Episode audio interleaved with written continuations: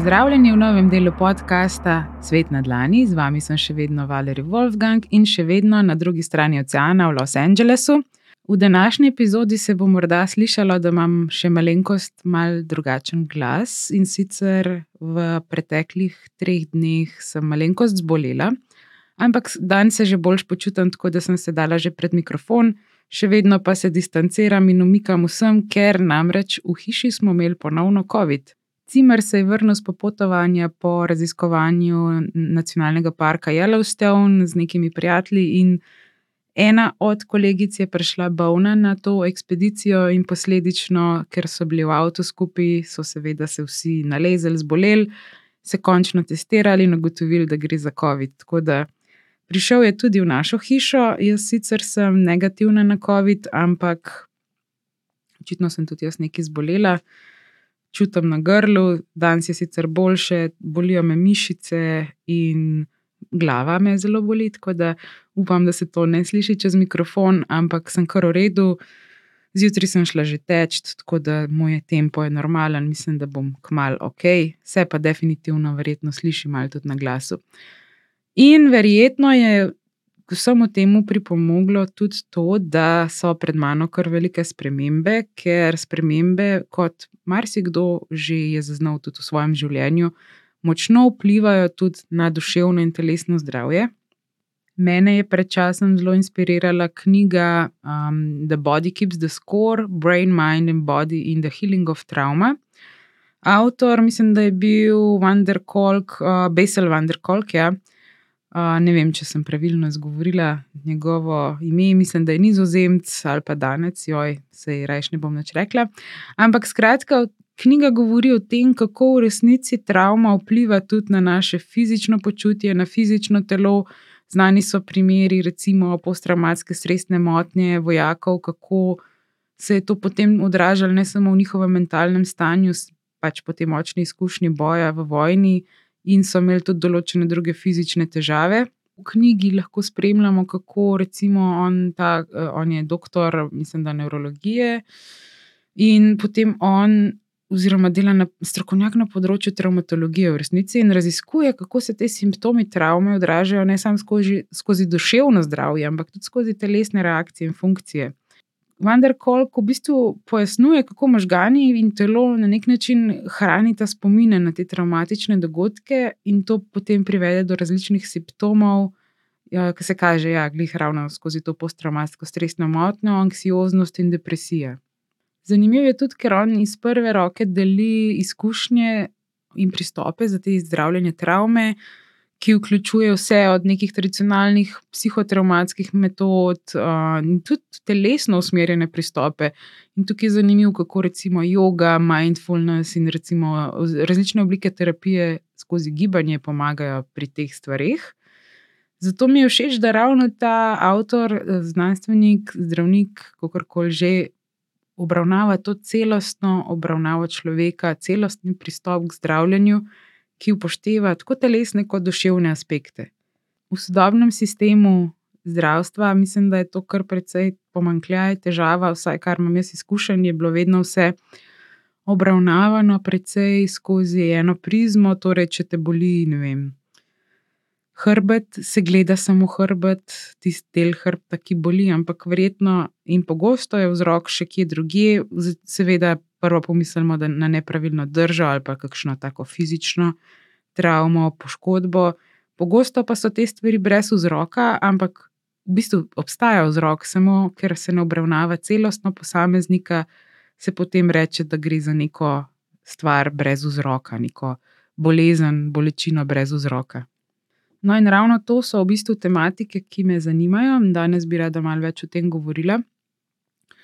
V bistvu spremembe, vse spremembe so dokaj stresne. V mojem podkastu sem gostovala že marsikoga, ki se je preselil skozi čas v tujino, in to so neke take zelo, zelo stresne situacije, pač selitev družine. Ne samo fizično pakiranje, ker to je v resnici še najmanj stresen del na koncu, če pomisliš skozi, pač če vse skupaj pogledaš, je proces pakiranja še najmanj, kar te čaka. Ti vržeš v kavček, greš kot je recimo rekel Simon v prvem podkastu, kaj je najbolj pomembno, da naredimo, ko razmišljamo o selitvi v tujino, da spakiraš kavček in greš. To je res um, najbolj pomembno. Ampak je tudi v bistvu še najlažje, vse ostalo je težje. Torej, vsa papirologija, organizacija, ne vem, to je drugi del, ki pride. Tretji del, ki pa odpre še eno večjo sito, oziroma, kako bi rekla, še večje poglavje v življenju, je pa to, da moraš v novem okolju na novo vzpostaviti nek podporni sistem, sistem prijateljev, ker recimo nimaš družine v tujini, moraš najti okolje, ki te podpira, ker če ne, lahko hitro ostanemo sami. Jaz recimo spremljam določene javne platforme, recimo Reddit, pa tudi preko Facebooka in ne, Twitter in še kakšne socialne medije. Redovedno pogledam in marsikdaj vidim kakšno vprašanje, velikrat anonimna, no, ker očitno je to še vedno tabu tema in se ljudje sramujejo javno sprašovati, da kako najti prijatelje po 30 ali pa 40 letu, ali pa še celo v kasnejših življenjskih obdobjih. Se mi zdi, da marsikdo, sploh če se veliko seli in ne požene korenin, če tako lahko rečem, v tujini lahko ostane sam. Pa ne samo v tujini, se tudi. Podobne vprašanja si marsikdo zastavlja tudi v Sloveniji, oziroma v lastni domovini, kjerkoli že iz katere države že izvirate. Je pogosto težava, da če nismo se prav ohranili nekih stikov iz otroštva, ko smo stkali prve pristne prijateljske vizi, ker smo se pač nas je življenje razdelilo po celem svetu, po mestih, po državah, lahko se je pa tudi samo zgodil življenje. Dobili smo družino, punce, fante karkoli že, pač to nas je pognalo na vse konce, kar ni nič narobe, to je del življenja. Ampak posledično so se nekatera prijateljstva ugasnila, prišle so te famozne spremembe življenjske, zgodila se je karijera. Moja generacija trenutno je ena najbolj aktivnih generacij, ki si iščemo tisto najbolj optimalno kariero, oziroma dosegamo vrhunce na svojih področjih. Eni pač so jih že dosegli, drugi so še na poti. Um, nekateri pa, seveda, predvsem starejša generacija, pa mogoče na novo začenjajo kakšno drugo življenjsko pot, drugo življenjsko kariero, mogoče tudi drugo zvezo. Nažalost, se dogajajo tudi take stvari, da družine razpadajo. Jaz si sicer želim, da bi bilo takih zgodb čim manj, ampak moramo sprejeti vse, kar nam ponudi življenje. In to so te spremembe, ki so lahko za človeka kar precej močna izkušnja. Tako da jaz mislim, glede na to, da sem v zadnjih dveh, treh letih, v najhujših časih COVID-a in vseh možnih grip, sem bila vse čas v stiku z ljudmi, res konkretno. Pač sem pazila to, kar se pazi, da imela tudi masko in vse preventivne ukrepe, in načeloma nikoli nisem zbolela, res nisem bila pri zdravniku že v resnici že leta, razen na preventivnih pregledih, pa um, ko sem morala urejati dejstvo, da sem slabokrvna in sem mogla urediti svoj nivo železa in uh, homoglobina, hemoglobina. Ne vem točno, žal nisem doktor, evo moj glas že mal uh, škripa. No, ampak ja, noč nisem zbolela, a pa enkrat, da je vmes, ko sem bila v Ameriki, zadnje mesece sem si uspela zlomiti zob, tako da sem bila pri zobarju. Um, ampak ja, načeloma sem zelo zdrava, pač zdravo živim, pazim na sebe, če se le da, poskušam dovolj spati, primerno jesti, športati, se smejati, družiti z ljudmi, tako da načeloma imam vse poklukano, ampak trenutno se bliža čas mojega odhoda nazaj v Slovenijo. Naslednji teden v resnici že pakiram in grem. Tukaj sem preživela skoraj eno leto, tako da sem pognala že kar mačke in koreninice, bi lahko rekla, spoznala zanimive ljudi, se družila, vzpostavlja že neko mrežo, ker v bistvu sem vajena, glede na moje delo iz preteklosti, ker sem pogosto šla kam v tujino za nekaj mesecev ali pa tednov. No. Um, sem nekako vedno bila vajena, v resnici že dosti zgodaj od otroštva, da hitro poženem neke koreninice, če se le da, um, kamorkoli pridem, ker pač želim, da tudi drugi se počutijo dobro v moji družbi, ker vem, kako je, če ostaneš sam, oziroma če se znajdeš med neznanci. In se mi zdi super, da pač daješ spoštovanje, s tem tudi prijemaš spoštovanje na nek način, dobro energijo, daješ, hkrati jo pa tudi prijemaš. In tudi zavedam se, kaj pomeni družba oziroma neka skupnost. Zato imam rada, da sem del kakršne koli skupnosti, tudi v tujini, ne samo doma. Pogosto zaradi tega mojega načina življenja sem že v preteklosti mogla pač zapustiti kakšno skupnost, ali pa so se nekateri prijateljski odnosi ohladili, ker pač nisem skozi prisotna. Ampak poskušam, če se le da, s tistimi, ki mi pač kaj pomenijo in dajo tudi nazaj energijo, ohranjati stike nadaljavo. In zdaj, ko se vračam nazaj, upam, da bomo tudi fizično lahko nadaljevali um, z določenimi ljudmi. Um, Pristna prijateljstva, pomoč drug drugim, to se mi zdi res izjemno. In tudi še vedno kontra hočem ohranjati stike z ljudmi tukaj iz Amerike, ker so, vsaj tisti, s katerimi sem redno v stikih, res super ljudje. Ampak ja, zavedam se, kaj pomeni živeti v tujini, živeti v drugi državi ali pa na drugem kontinentu in ostajati povezan. Za začetek je problem, da smo v drugih časovnih pasovih in to se res pozna. Recimo s kolegico se loviva zdaj le za kavico že par dni, mislim, se se slišiva skoraj vsake dva, tri tedne. Um, na kavi virtualni, no, ampak se loviva iz južne poloble, vedno časovno smo tako kurna razen, da smo v bistvu v čisto različnih dnevih, ne samo urah. In to je v bistvu kar zanimivo, ker kdaj Ema ona reče, joj, danes pa ta ponedeljek, ko mi gre na živce, danes je bil res težek dan, jaz pa tako, o, pa mi smo še sred nedelje, tukaj še surfamo, počivamo, ne vem kaj. Mislim, tako je malo hecam, da bi se pogovarjal z človekom z drugega planeta. Ampak, dobro, to so lahko tudi plusi življenja in nekih prijateljstev nadaljavo. Seveda imam pa najraje stike v živo in druženje. Tako da z tega vidika v resnici preferiram um, življenje v realnosti, ne v virtualnosti, ampak glede na to, kakšen tempo in način življenja ima naša sodobna družba, mislim, da nam tehnologija v teh primerih zelo prav pride. Marijo, danes si bolj tiho, zato me zanima, če mi lahko pomagaš, kako so spremembe skozi zgodovino nekako vplivali tudi na našo civilizacijo. Spremembe so skozi stoletja močno vplivali na oblikovanje in razvoj naše civilizacije, tako na mikro kot na makro ravni. Na začetku, ko so se ljudje naselili in prešli od nomadskega načina življenja k kmetovanju, je to sprožilo družbene in kulturne spremembe, ki so pripeljale do razvoja prvih civilizacij. Tehnološki napredek, kot so odkritje kolesa, tiskarskega stroja in interneta, je dramatično pospešil širjenje informacij in idej, kar je vplivalo na politične strukture, gospodarstvo in celo naše razumevanje sveta.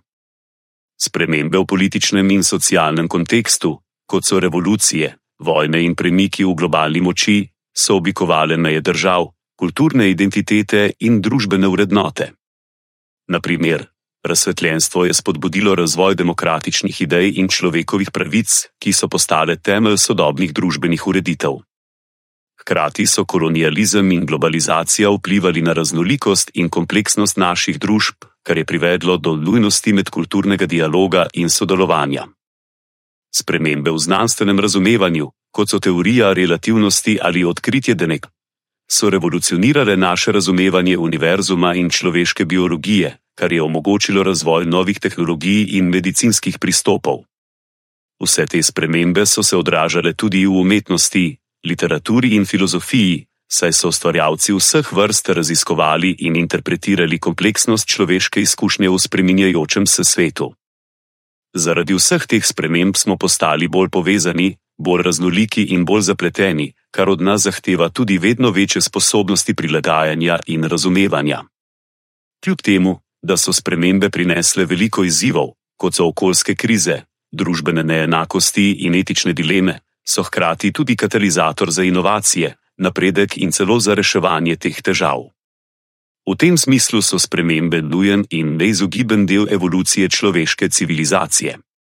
Ja, zanimivo, Marijo. V bistvu se, če naredim nek povzetek tega, kar si povedal, se skoraj navezuje na to, kar sem prej rekla. Ključno se mi zdi, da, to, da, postajamo, da si v bistvu želim, da postajamo bolj povezani. Marsikdaj se zdi, da zaradi tehnologije v resnici postajamo če dalje bolj odklopljeni oziroma nepovezani.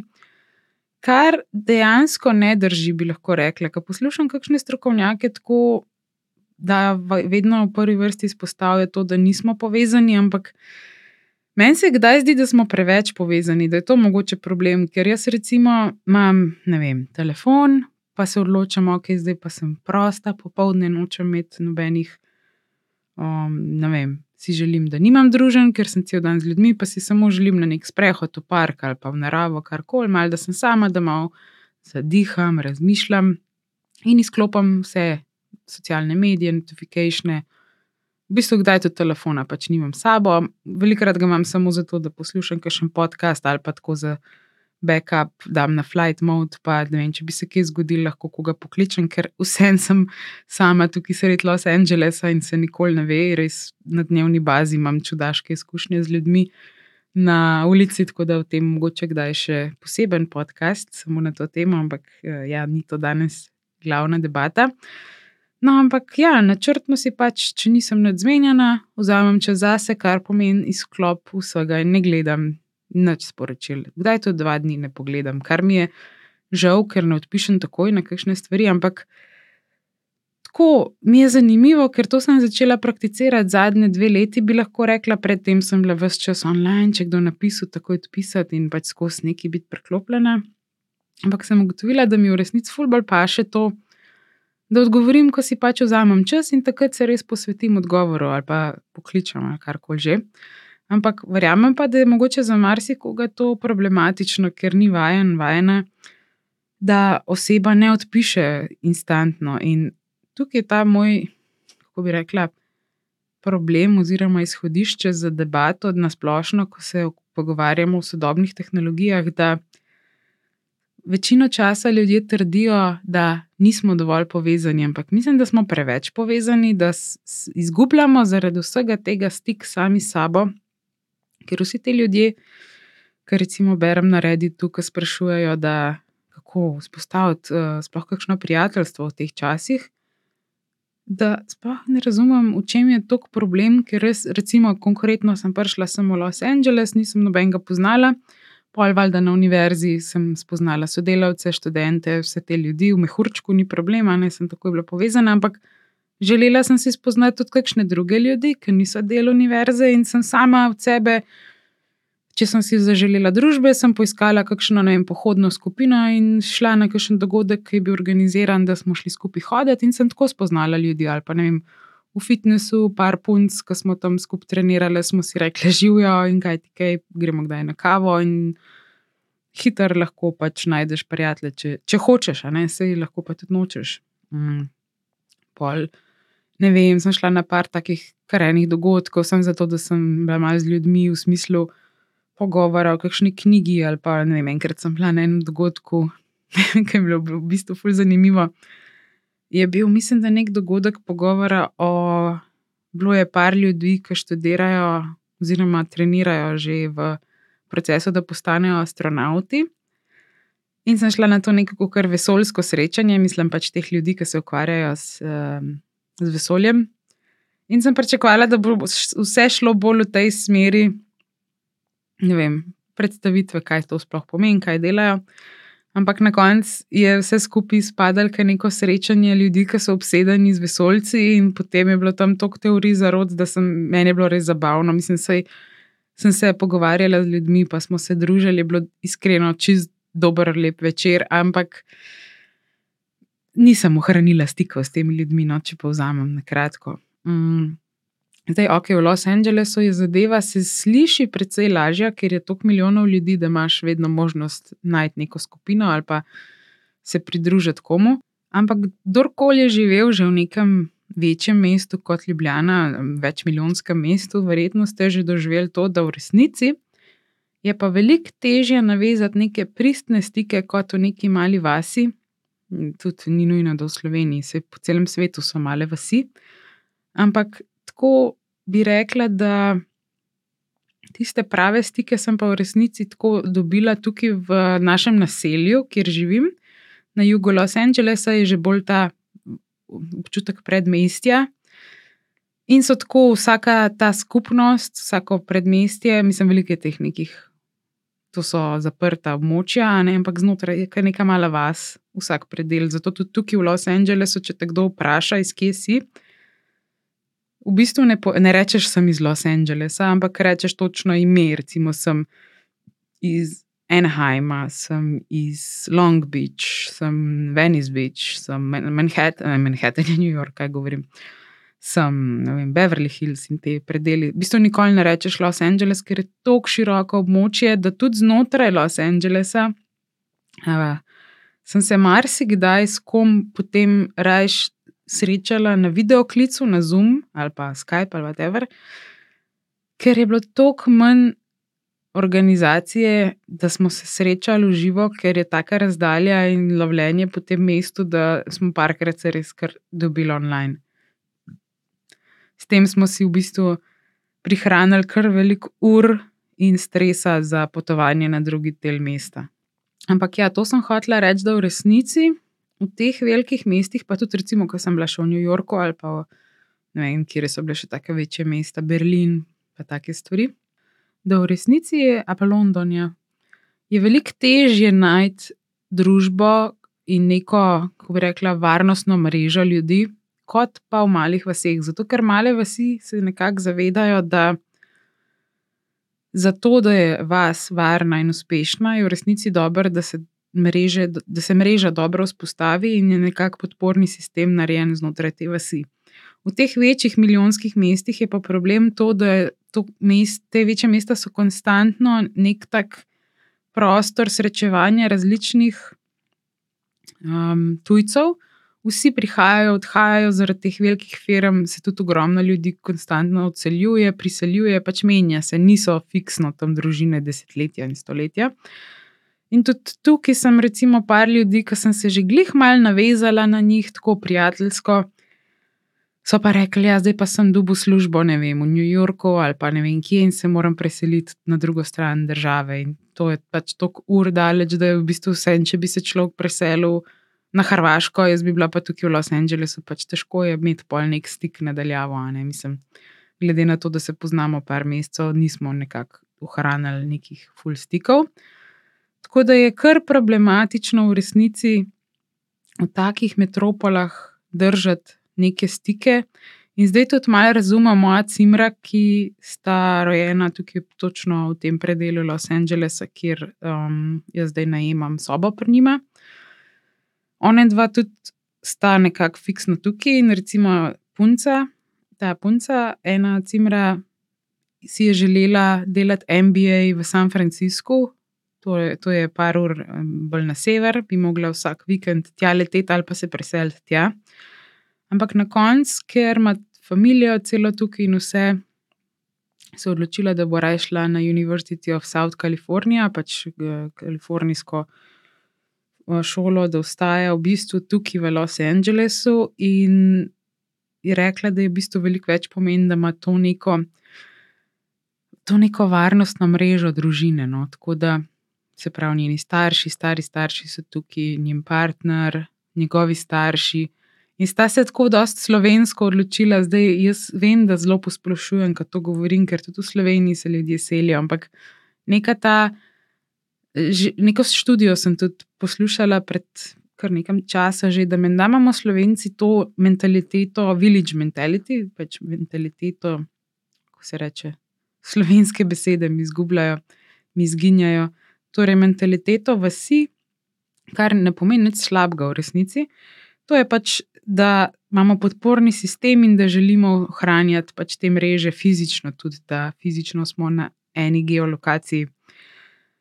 V večjih mestih, recimo ljudje, ki so rojeni v New Yorku ali pa v takih metropolah, je pa zelo pogosto in tukaj se vidi že na koledžu, že tudi tukaj, ki jaz zdaj predavam na Chapman University, imamo študente iz cele Amerike.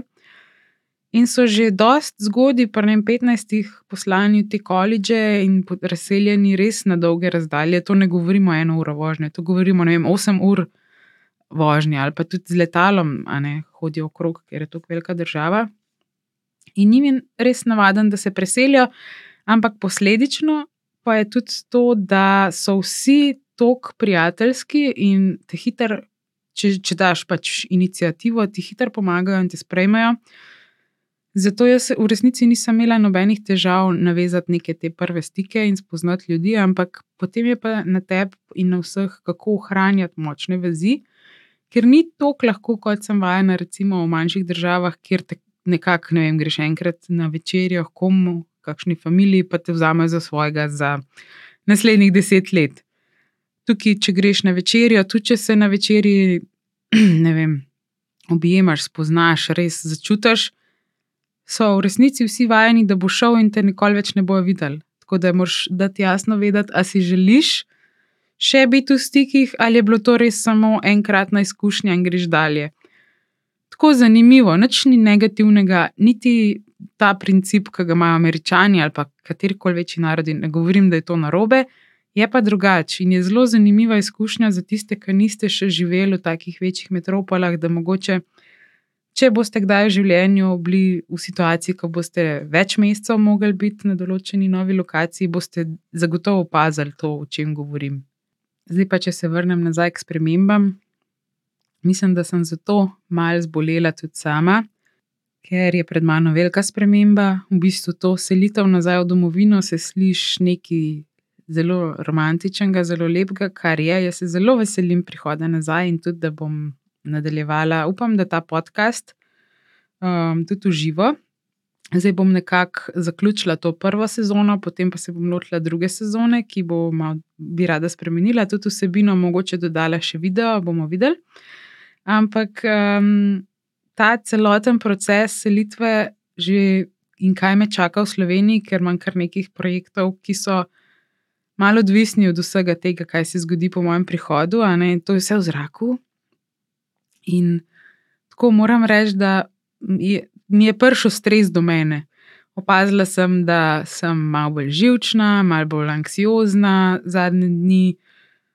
Tudi na zdravju se mi je začel poznati, ker očitno ta prehlad, mislim, jaz nisem bila že več let bolna, tako da to je kar zanimivo, kar se zdaj dogaja.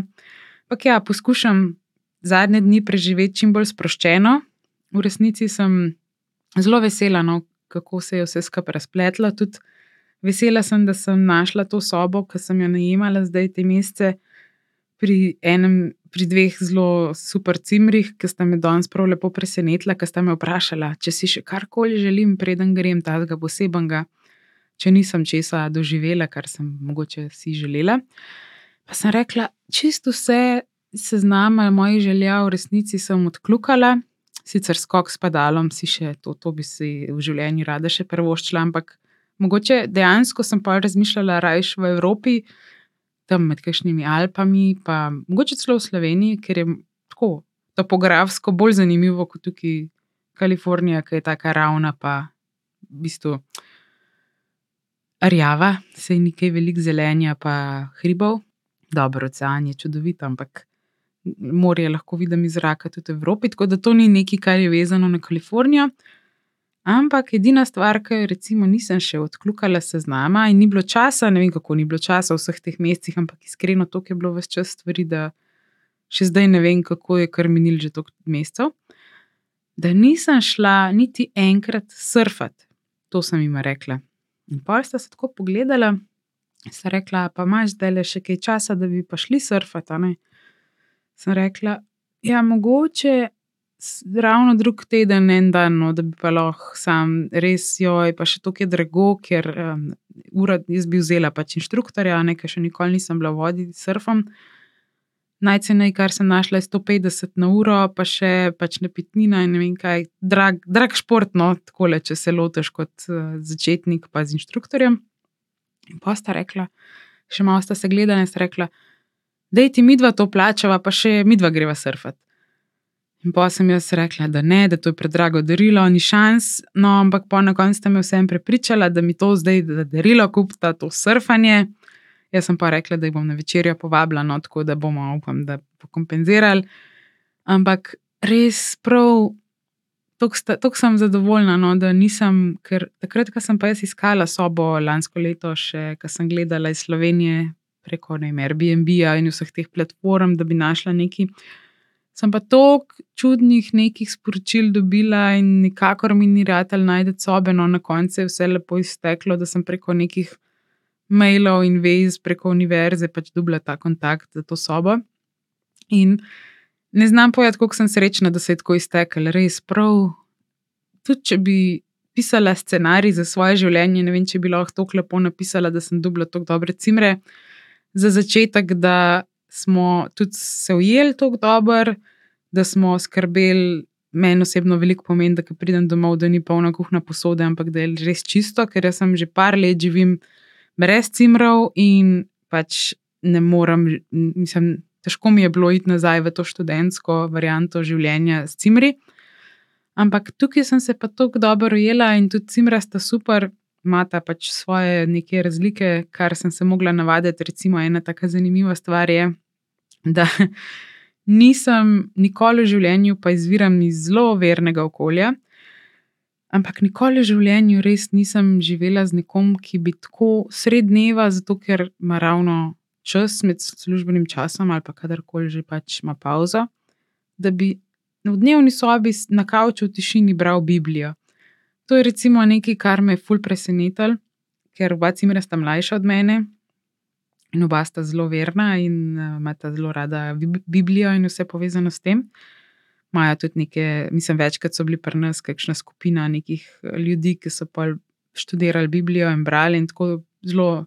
Še mene so kaj naučili novega, pa sem mislila, da vem že vse o krščanstvu. Pa mogoče kdo še ne ve, ker sem bila otrok, Um, v tem mogoče kdaj še celo knjigo napišem, zelo zanimiva izkušnja, sicer se bolj bežno spominjam, ker sem bila precej mlada, ampak v vrtu, nekako, ko sem bila otrok, ni bilo prostora, oziroma ne vem čisto točno, tako sem jim pol kasneje predstavljala to zgodbo, zakaj je bilo tako, kot je bilo. Ampak čuvala sem se, preden sem šla v osnovno šolo, sem bila v varstvu pri Nunah, v samostanu. Tako da sem v resnici jaz kar oddelala neko duhovno, versko življenje, očitno v samostanu, že kot otrok. Se prav spomnim no, teh nekih zanimivih trenutkov iz otroštva, ko sem bila pač v samostanu pri Nunah. In, um, ja, to, to so bile kar borbe, ker sem bila pa tako zelo živahen otrok in radoveden, glasen, razigran. In se zelo, zelo spomnim, kako so me te nune poskušale prepričati, da moram biti v tišini v nekem kotu in če se le da molet ampak ni šans, to so bile borbe take, da se prav spomnim zadnjič, ko sem šla v samostan, tako to je en tak moj spomin iz otroštva. Pa sem šla pa dejansko v malo šolo, v navaden vrtec, no, ker so tudi mogoče starši končno ugotovili, da to ne bo šlo več naprej. Se spomnim enega prizora, ko jaz nikakor pač nisem hotela spet zjutraj k tem nunam opala, spet zjutraj tem nunam. In me je oče peljal pač do samostana in me je hotel dati iz avta ven, prospomnim se, rdeča stoenka, pa sedeži so bili taki beli in kosmati, ker je babica zašila um, tole prevleke. Ne vem, zakaj je bilo takrat popularno, da so bili sedeži v avtomobilu prav kosmati, neko, kako se reče, lažno krzno, mislim, ni bilo pravo krzno, ampak neka sintetika, bela. Mogoče zato, da ne bi bilo preuroče, ko se usedeš ali pa kaj, vem, kaj je bil razlog, no, ampak meni je bilo to všeč. In se spomnim prizora, ki me je oče peljal pač nunam zjutraj, in jaz sem takrat se odločila, da zdaj pa dost imam teh nun, ni šans, da grem jaz ven iz avta. In se spomnim, da sem se prijela, kaj je on rekel, da je pa ven, gremo ven, in sem se drla, da nočem, in sem se prijela tega držala je tako, če sedite zadaj, ne, ne vem, če imajo še sodobni avtomobili, to, ampak včasih so imeli vsi avtomobili, da si, če si sedel pri oknu zadaj, si imel zgoraj tako ročko, da si se pri, prijel, če vem, si vozil po kakšnem takem bolj razgibanem terenu in da te ni treslo, pač pa metalo sem in tja si lahko prijel se za to ročko. No, in jaz sem se prijela za to ročko zgori z obema rokama in se na vso moč držala oče me je vzel ven, ampak me ni mogel, pač, ker sem se tako oprijela te ročke. In potem me je vlekel ven iz avta, in jaz sem se drla in brcala, in ni šans, res. Takrat se prav spomnim se tega občutka, da sem si zadala, da je edini moj cilj v življenju, da nikoli več ne grem k tem nunam. In po ne vem, koliko cajt je tragično minuto, verjetno meni se je zdelo ful dolg, ampak verjetno nisem tako dolgo tam scene zganjala. Ja, če reko, ok, zdaj pa dosti, me po poku noter v avto nazaj, pelo domov k babici. In od takrat naprej, pol roko enega tedna ali pa ne vem, koliko dni so pač dobili prostor v vrtu za me. Ampak prav spomnim se takrat tega občutka zmage, kako sem jaz odločila se, da nikoli več knunam, um, nikoli več v ta sam ustan. Sej verjetno mi niso nič slabega hotele, te gospe, a ne, sam niso imele nekega pedagoškega čuta za tako male otroke, so si pač želele mirnih pridnih otrok in se za jesti, vem, da so nam dale, pa nas čuvale, mi smo imeli pod nadzorom, ampak to je bilo vse tako brez nekih igrač, uh, mislim, mogoče so bile tam neke lesene robotulce, kaj jaz vem, neki čist brez veze, mi smo bili vajeni se. Streljati, pa action meni, pa ne vem, kaj vse je bilo takrat popularno. Pa ne vem, vem da sem vedno hotela biti MacGyver, to je bil moj idol. Oziroma, še bolj v otroštvu, ko sem bila mlajša, že pred dveh leti obstajajo videoposnetki dejansko kako jaz govorim, da sem himen. Um, moja mama je pa vsa besna, da ne, da nisem himen. To je bil pač nek junak, lik, super junak, uh, ki je bil nek supermen. Ampak moja mama v zadnji govori, ne, ti nisi himen, ti si princeska. In jaz se deram, ne, jaz sem himen, nisem princeska. Tako da malo tega je še v meni ostalo.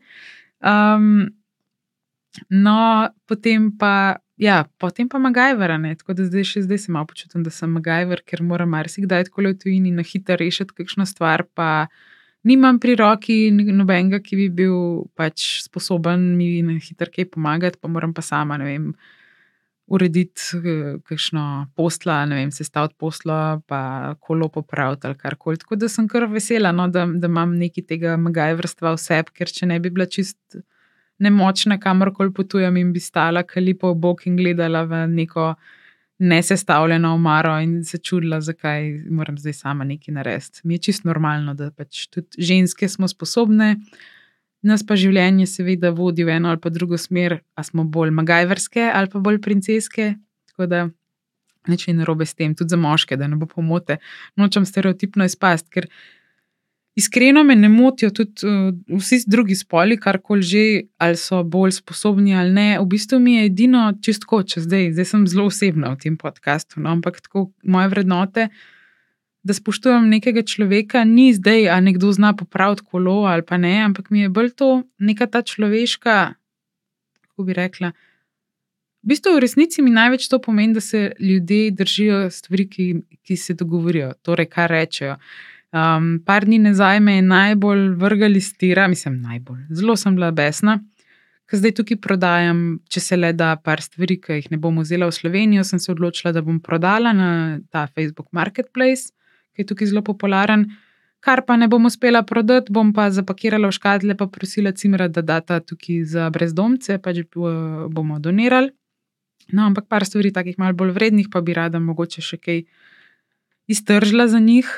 No, in uh, me je to res sem bila besna, ker sem se zmenila z nekim človekom, da bo prišel pa eno stvar. Ne? In mi je tako pisal, ja, sem že na poti in jaz, kje ste zdaj na poti. Pač Los Angeles je full velik, mi morate povedati, da ste na poti iz vem, Long Beacha do sem je lahko ena ura ali pa 15 minut, ne moram vedeti, zdaj stojim ena ura tam, kaj lepo v bok pa čakam. Ali, In on, ja, 15 minut, la, la, čakam eno uro, noč in pa sem že napisala, kaj zdaj, pridete ali ne, jaz sem kles, da je to stvarjo, ne. In je skozi pisal, da je na poti in ne vem kaj, in pa sem bila sam tako, da je model, klej me nateguješ. No, baj, pa sem pač drugi ženski pol naprej prodala, ker tukaj karkoli v resnici tako objaviš, da boš prodal, se kar hitro proda, ker je res veliko ljudi. Tako da načeloma ni zdaj to problem. Sam, da je človek, če se nekaj zmeniš, povej, a ne se meni ni problem, tudi če bi mi on napisal, joj, pa mi nekaj prišlo vmes, pa lahko jutr, seveda. Sam ne meni tako, da priješ vsake 15 minut, pa pol čez eno uro se mi javljaš. To, O, zdaj sem, evo, sem kar spet besna. Bo spet stres na me vplival. Ampak no, to so te spremembe v življenju, ki mene do določene mere vržejo življenja, mislim, življenje iz tira, iz življenjskega tira. In se mi zdi, da seveda nismo roboti, vsi smo ljudje in vsaka ta stvar definitivno močno vpliva na, se pravi, fizično telo, mentalno stanje in podobne zadeve. Zadnje čase sem opazila v različnih podcastih ali pa oddajah, da se veliko govori o mentalnem stanju in mi je zelo všeč, ker ko sem bila jaz recimo najstnica ali pa še mlajša, tega v resnici tako nisem dost zaznala in ko sem imela obdobje, ne vem, zelo tesnobe, jaz, jaz še vedno v bistvu sem tako, imam obdobje tesnobe. Um, tako zelo nepojasnjeno bi lahko rekla, ker um, mislim, pri sebi nimam še čisto razjasnjeno, zakaj se to dogaja, ampak opazim pa, da se zgodijo te, ta obdobja, kader me čaka ogromno nekih sprememb, pa kader stvari niso čisto jasne. Recimo, jaz delam že 12 let kot samozaposlena v kulturi in vsa ta leta so bila, seveda, za mene uspešna, ampak vsa ta leta je konstantno ogromno nekega dogovarjanja, ogromno nekega projektnega dela. Ves čas sem vezana na skupinske projekte, v smislu, da ok, jaz že svoje delo naredim, ampak ker delam v ekipi, moram ves čas računati na to, da tudi druge osebe naredijo to, kar rečejo, ne to, kar smo dogovorjeni. Ampak kdaj se zgodi, ker pač smo vsi ljudje, pride do določenih življenjskih situacij, ko nekdo mogoče ne more narediti do konca nečesa, ali pa so tudi neodgovorni ljudje med nami. Tega je če dalje več, imam občutek. In potem sem taka, vrste oseba, da bi jaz prevzamem na sebe odgovornost. Mislim, sploh, ker velikrat sem v resnici tudi vodja znotraj projekta in pač na koncu to, kar je podano javnosti, pade na me. Jaz sem kot avtorica tega projekta in valjda, če nekaj ni narejen, te gledajo vsi, kot da ti nisi tega naredil. In to sem bila pač vsa ta leta vajena prevzemati na sebe in zaradi tega, potem, ko so določeni. Roki, ko so določene obveznosti, pogodbe, se to nabere in, se, in občutim to kot neko tesnobo. Ampak všeč mi je, da se več o tem govori, tudi všeč mi je, da sem začela malo več brati o tem, da vem, da to ni nič tazga v resnici, da samo moram jaz najti načine, kako iti čez vse to, da ne bo res vplival na kakovost mojega življenja. Ker kar si pa najmanj želim, seveda, je pa to, da posledično zaradi tesnobe zdaj ne vem, nečesa ne naredim ali pa se izoliram pred ostalimi, ali pa ne vem, še kaj se samo poškodujem, ali pa bog ne da še kaj drugega. Ne? Ker kar berem, kakšni ljudje, ki imajo tesnobo, to grejo v skrajnosti, lahko kar divje. K sreči nisem. Uh, nimam nobenih, uh, nimam tako močnih vzgibov, da bi bila na kakšnih tabletah ali pa čem podobnem, ker sem slišala za kar hude stranske učinke. Moramo se zavedati, da ne glede na to, da recimo obstaja ogromno zdravil, tudi za vem, pritisk, pa ne vem, kaj še vse obstaja. Vsaka, vsako zdravilo je v bistvu ima neke stranske učinke, pa naj bo to, ne vem, povečana teža, ker se več vode zadržuje v nas, ali pa mogoče mm, vpliva na depresijo, vpliva na slabost, vrtoglavico. Tako vedno je nekaj, ne zato mi je v bistvu všeč, da poskušam z naravnimi metodami ohranjati nek tak balans in zdravo življenje. Zdaj to ne pomeni, da je to edina možna pot, ne so tudi močnejše oblike tesnobe. Jaz k sreči trkam na lesevo, trkam, da ne bo se to kdaj pač pojačalo, ampak k sreči sem našla neke take ventile, ki se lahko sprostim. Eden izmed teh je recimo ta moj jutranji tek ali pa sprehod v naravi, pohod, zelo imam rada zadnje čase tudi kolo, Tako da se v bistvu skozi, ravno skozi fizično aktivnost najdem potem nek tak oddih in sprostitev, tako da mi je super. Pa v resnici tudi skozi pogovore z različnimi ljudmi res uživam, ko spoznam kakšne nove obraze. Glih včeraj sem bila pri eni zanimivi gospe tukaj v centru Los Angelesa z imenom Noni de la Penja. Ona je v bistvu zanimiva, v medijih je pogosto omenjena kot babica virtualne realnosti. Tudi na TED Talku jo lahko poslušate, tako prijetna ženska, mislim, prijetno, tako zanimiva. Mehiške korenine ima taka. Me je malo spomnila na določene ljudi iz Balkana in mi je bilo fulušečno, ker v resnici imam rada vse ljudi iz Balkana. Taka malce bolj pojačana energija, da jim o tem rečem, in jaz imam take ljudi res rada. No.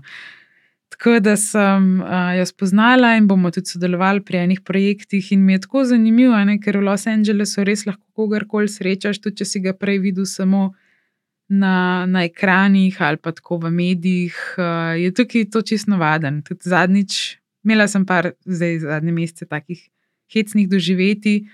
Ne vem, zjutraj tukaj rada tečem mimo enega posebnega predela, ki se mu reče Fullerton. In uh, potem pa enem nekem takem jezeru se vedno ustavim in malo prediham. No, in se prav spomnim, da sem vedno eno žensko, ki mi je bila tako malo znana, tam sem jo večkrat srečala, ampak sem pač so vsem tekačem rečem živijo in to je to. Um, pa se pa spomnim zadnjič, enkrat je pa na semaforju z mano stala še ena druga ženska, ki so čakali za čes in videla to punco, no, ki jo vedno kaj vidim. In je ta ženska začela ful se dreti, no neki gven, bla, bla. In uno je sem tekla naprej, imela je tako slušalke in jaz sem pač vprašala to žensko, je vse v redu, a ne, kaj zdaj narobe. In je rekla, oh, that was Gwen Stefani. In je bila pač Gwen Stefani. In jaz, pač, jaz načeloma ljudi tako po faci ful ne prepoznam, tudi v Sloveniji ali kjerkoli, imam kdaj malo težave z obrazi, sploh ne vem, da je to kakšna oseba, pač, ki naj bi bila znana ali karkoli. Tudi nimam nekega odnosa do tega, tako mi je, ah, ok, good for you, ali kaj ne rečem. No, ampak ja, ta gospa je bila čisto, oh, to je Gwen Stefani. In sem pa ja, šla pogledat, ker sem že malo pozabila, kako izgleda. Ampak ja, ja Gwen Stefani, evo, imamo skupno tekaško pot, sem zelo vesela. Pol enkrat, uh, tudi pred meseci, no, uh, sem pa srečala nekoga, ki sem ga pa dejansko prepoznala, in, oziroma dve osebi, no, ampak tega, tega sem prav res. Um, Je zelo znan Justin Bieber, mi je za avto pomahal, pa nekega kuška je imel v naročju, ki je na semaforju stal. Jaz sem pa tudi čakala na semaforju, tudi zjutraj, pri jutranjem teku. In tukaj semafori trajajo 5-10 minut, res čakaš, kaj debil in tudi on se je že dolgo časa, ne vem, še nekdo je bil v avtu. In sem lahko tako, tako dobro se mi je zdelo, no, da sem končno nekoga prepoznala, mislim, se pač, kaj sem pomahala in to je to, kaj ne drugega delam, kot samo rečem živijo. Ja, pa tudi recimo Brendona Fraserja, mi je bilo všeč, kaj že on bil, tale, uh, Ace, Vent ne, Ace Ventura, kaj z mano. Oh, George of the Jungle, Tarzan, Tarzan je bil, ja, to je bil. On je bil tudi gost na naši univerzi, no, tako da smo se pol tudi res poznali. Pa še par takih dobrih ljudi je bilo zdaj le na naši univerzi, gostujočih, sem imela čast biti z njimi, recimo te dva režiserja, Danielsa od um, uh, Everything, Everywhere, All at Once, pa še par takih pomembnih imen letos od Oskarjev smo imeli kot goste. In tako, no, polka si v tem okolju, v tem večjem mestu, ugotoviš, da res ni pomembno, kdo si. Mislim, se sem to že prej vedela, ampak tako še toliko bolj se ti ilustrira. Da ni pomembno, kdo si, ampak samo kaj hočeš. In to, ki je dobro, tako se verjetno se marsikdo, ki poslušate, se zavedate tega, ne, da je to res pomembno. Ampak Američani res nimajo tako nekega zadržka pri tem. Tokrat, ko so me pa v zadnjih mestih ljudje vprašali, tako v faco, kaj bi rada, ampak ne na tak zloben način, tako kaj bi rada, da jim poveš. In če jim polka jim poveš, če se da, bojo probali tudi oni se potruditi, da ti ne vem, da ta pravi kontakt, ta pravega človeka. In zdaj pa, če bi hotel nek full business ali karkoli, kar jaz nisem, jaz zelo nimam tega poslovnega, to, to moram še malo delati na tem. No, ampak kdorkoli je zelo tak posloven človek, ki ima neke te želje, mislim, da je ameriška kultura, pa tukaj biti v tem okolju pravilna izbira. Mislim, da bi selitvijo Ameriko marsikdo veliko bolj izkoristil, kot sem jaz, ker jaz, meni res te stvari ne pomenijo veliko, meni res pomeni kvaliteta življenja, bolj to, kar, v čem se dobro počutim v tistem trenutku, ne pa v tem načrtovanju nekega poslovnega načrta, kar vem, da imam to malo tudi primankljaj, ker bi lahko malo več naredila na tem področju in imam tudi namen v naslednjih mesecih in letih delati na tem. Um, ampak nisem pa tak tipičen posloven človek, ki bi zdaj neke biznise delal samo pač s tem ciljem, da naredi biznis. Sem vseeno malo bolj kreativna, radovedna oseba, ki se rada loti izzivov, ne z vidika pridobitve nekih marketinških potez, ampak z vidika razvoja vsebine in raziskovanja tematik, ki me zanimajo. Ne pravim pa, da je narobe ena ali druga stran, važno je, da res pri tem uživamo. Zdaj, v tem podkastu sem se dotaknila kar precej takih osebnih pogledov, osebnih tem. Upam, da vse poslušate bolj z rezervo. Karkoli povem, je zgolj moje videnje teh tematik, nisem strokovnjak na tem področju. Zelo rada pa delim izkušnje, no, ki jih imam, ker upam, da komu pridejo te informacije prav, ali pa vsaj, da se prepoznate in mogoče najdete tudi malo sebe v kakšni taki zgodbi, ki jo doživljam tudi sama. V današnjem delu je Marijo bolj počival, nisem ga hotela preveč izkoriščati, ker imam občutek, da ga bom v drugi sezoni mal bolj navila in, um, kako bi rekla, aktivirala. Bomo videli, no, tudi kako se bo ta umetna inteligenca razvijala v naslednjih mesecih. Glede na trenutno stanje, kar spremljam, mislim, da je kar pestro. Um, predvsem imam moje videnje pač umetne inteligence in tega, s čimer se tudi sama ukvarjam, je, da bo šlo če dalje več v smeri razvoja videa. Torej, ti recimo si želiš nek posnetek, video posnetek imeti, pa nimaš kamere, ne moreš posneti. Ampak zdaj se umetna inteligenca razvija do te mere, da ti lahko dobesedno pač daš ukaz umetni inteligenci, napišeš. Želim posnetek, ki je dolg, ne vem, eno minuto, kako gre kamera kot dron posnetek skozi gost, in ne vem, ne bo ta gost rdeče barve, jesensko obarvan in notrne ena lisica, gre čez cesto ali pa nekaj tako. In pač vsi ti sistemi bojo zgenerirali posnetek, da boš ti dobesedno imel ta posnetek.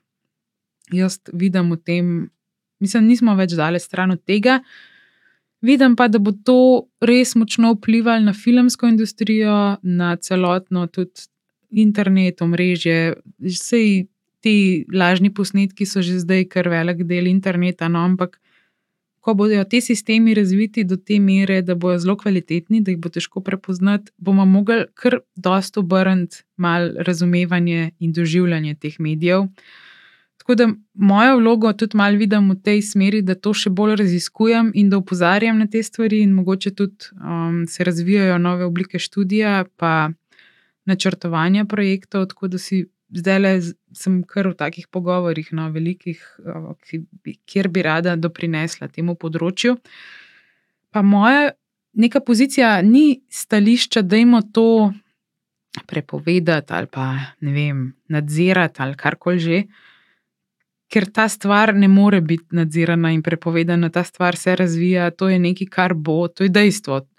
Tudi če bo na državni ravni, da bi zdaj rekli, prepovejmo vse, to je podzemnih nekih ljudi, ki delajo na tem, in je dejstvo, da bo. In mislim, da dajmo raje ne si metati peska v oči, pa govoriti o tem, kako to prepovedati, ker ne moreš, tudi recimo droge so prepovedane, pa še vse je toliko uporabnikov drog. Tako da tudi uporabniki umetne inteligence bo velik, ampak dajmo raj, da nas ravno te spremembe ne ujamajo, da ne bo vse to grozen, kot se sliši.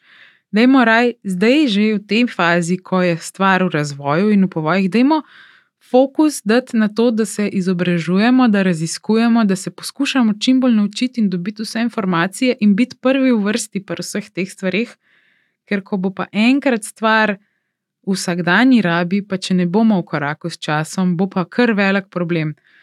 Jaz sem vesela, v bistvu, da so določeni projekti v naslednjih letih načrtovani, ko bo tudi brezplačno na voljo izobrazba z področja digitalizacije in teh stvari. Bojim se samo, da bojo ta izobraževanja izvajali ljudje, ki ne bojo tudi sami dobro poznali sistema. Tako da upam, da da se motim, ampak glede na vso preteklost z tega področja, imam občutek, da se zna zgoditi um, ta zadeva. Ampak Slovenija gre kar v redu za enkrat v koraku s časom, tudi kar spremljam, imamo kar še veliko nekih organizacij in podjetij, ki poskušajo pač res biti v koraku s svetovnimi silami, ampak morda malenkost šepamo pri tem, da veliko programov evropskih tudi dobimo in jih imamo, pač razne diskusije, kongrese in te stvari. Potem pa, ko pride do neke fizične realizacije, pa nam nekaj zmanjka, tako zmanjka nam nekega konkretnega dela, nekaj konkretno narediti. In tukaj jaz sebe vidim v tej vlogi, da lahko sem del tega, lahko pomagam in delam na tem. Tudi eh, konkretno sem že v diskusijah z ljudmi, ampak pre, premali je vse še teh ljudi na tem področju. Tako da si želim, da bi bila ta mreža močnejša, predvsem pa tudi, če nismo z tega področja ali pa če je to nekaj, kar sploh nima veze z našim življenjem ali pa delom, da se neka podpora vsemu temu zgodi tudi v javnem smislu, v neki, v neki javni zavedanju, kako se reče, kolektivni zavesti. Zato, ker je pač to dejstvo, tudi kot če bi se, ne vem, 20 let nazaj sekirali, da zdaj pa je televizija tukaj, kako zdaj preprečiti, da ne bo televizije.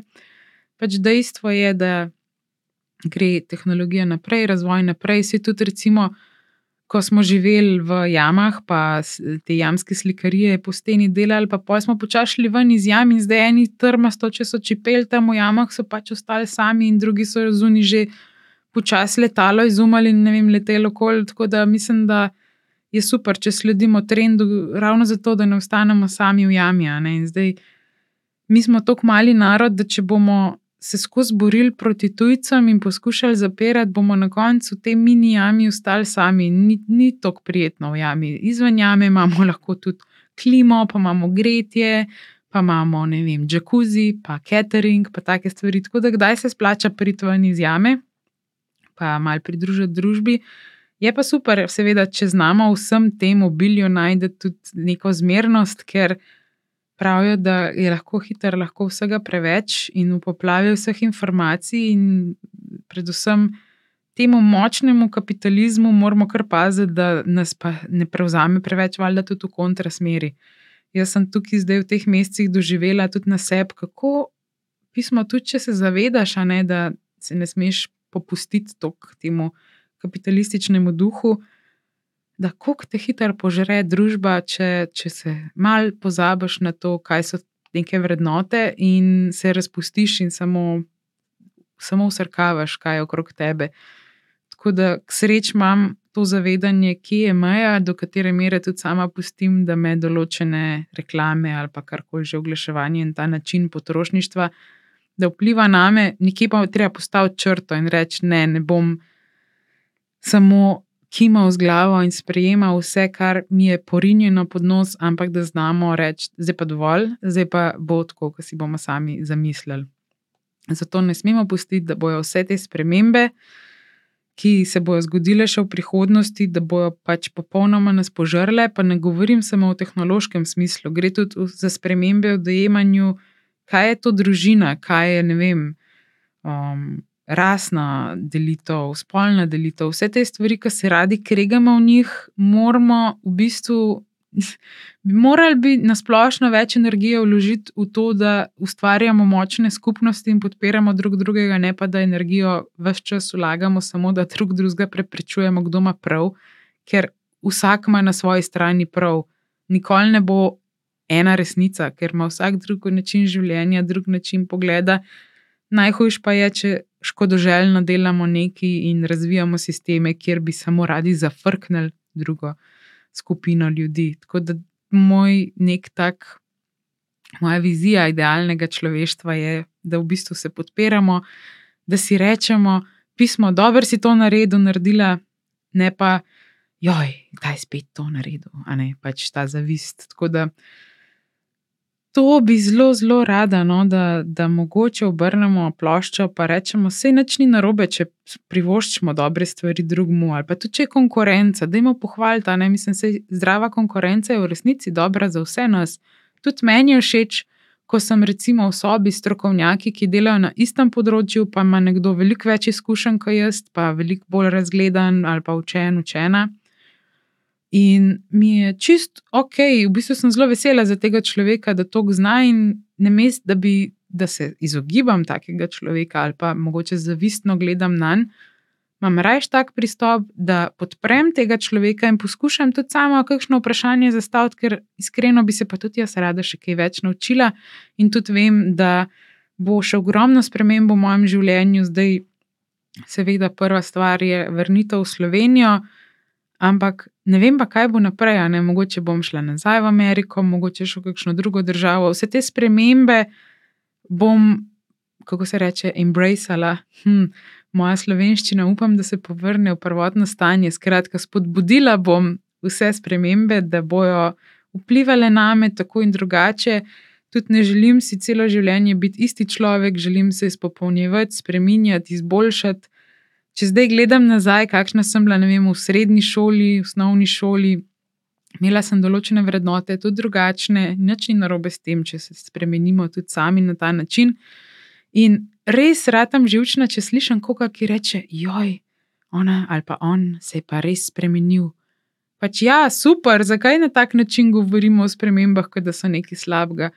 Če ostanemo na mestu, mislim, nismo drevesa, da bi stali na mestu, moramo naprej, moramo se spremenjati, moramo se podpirati in spodbujati, tako da vsi, ki to poslušate, dejte vsaj enemu človeku v vaši okolici reči, da je nekaj dobro naredil, če je res pač stvar izvedena tako, kot je treba. Ne, sem, ne, ne se vam ne zdi, da so take stvari samo umevne, vsak si želi mal, da ga občasno kdo potreplja po rami in reče: Pismo je, to je pa dobro, zdaj pa gremo dalje. Mislim, že res mala beseda lahko spremeni življenje nekoga.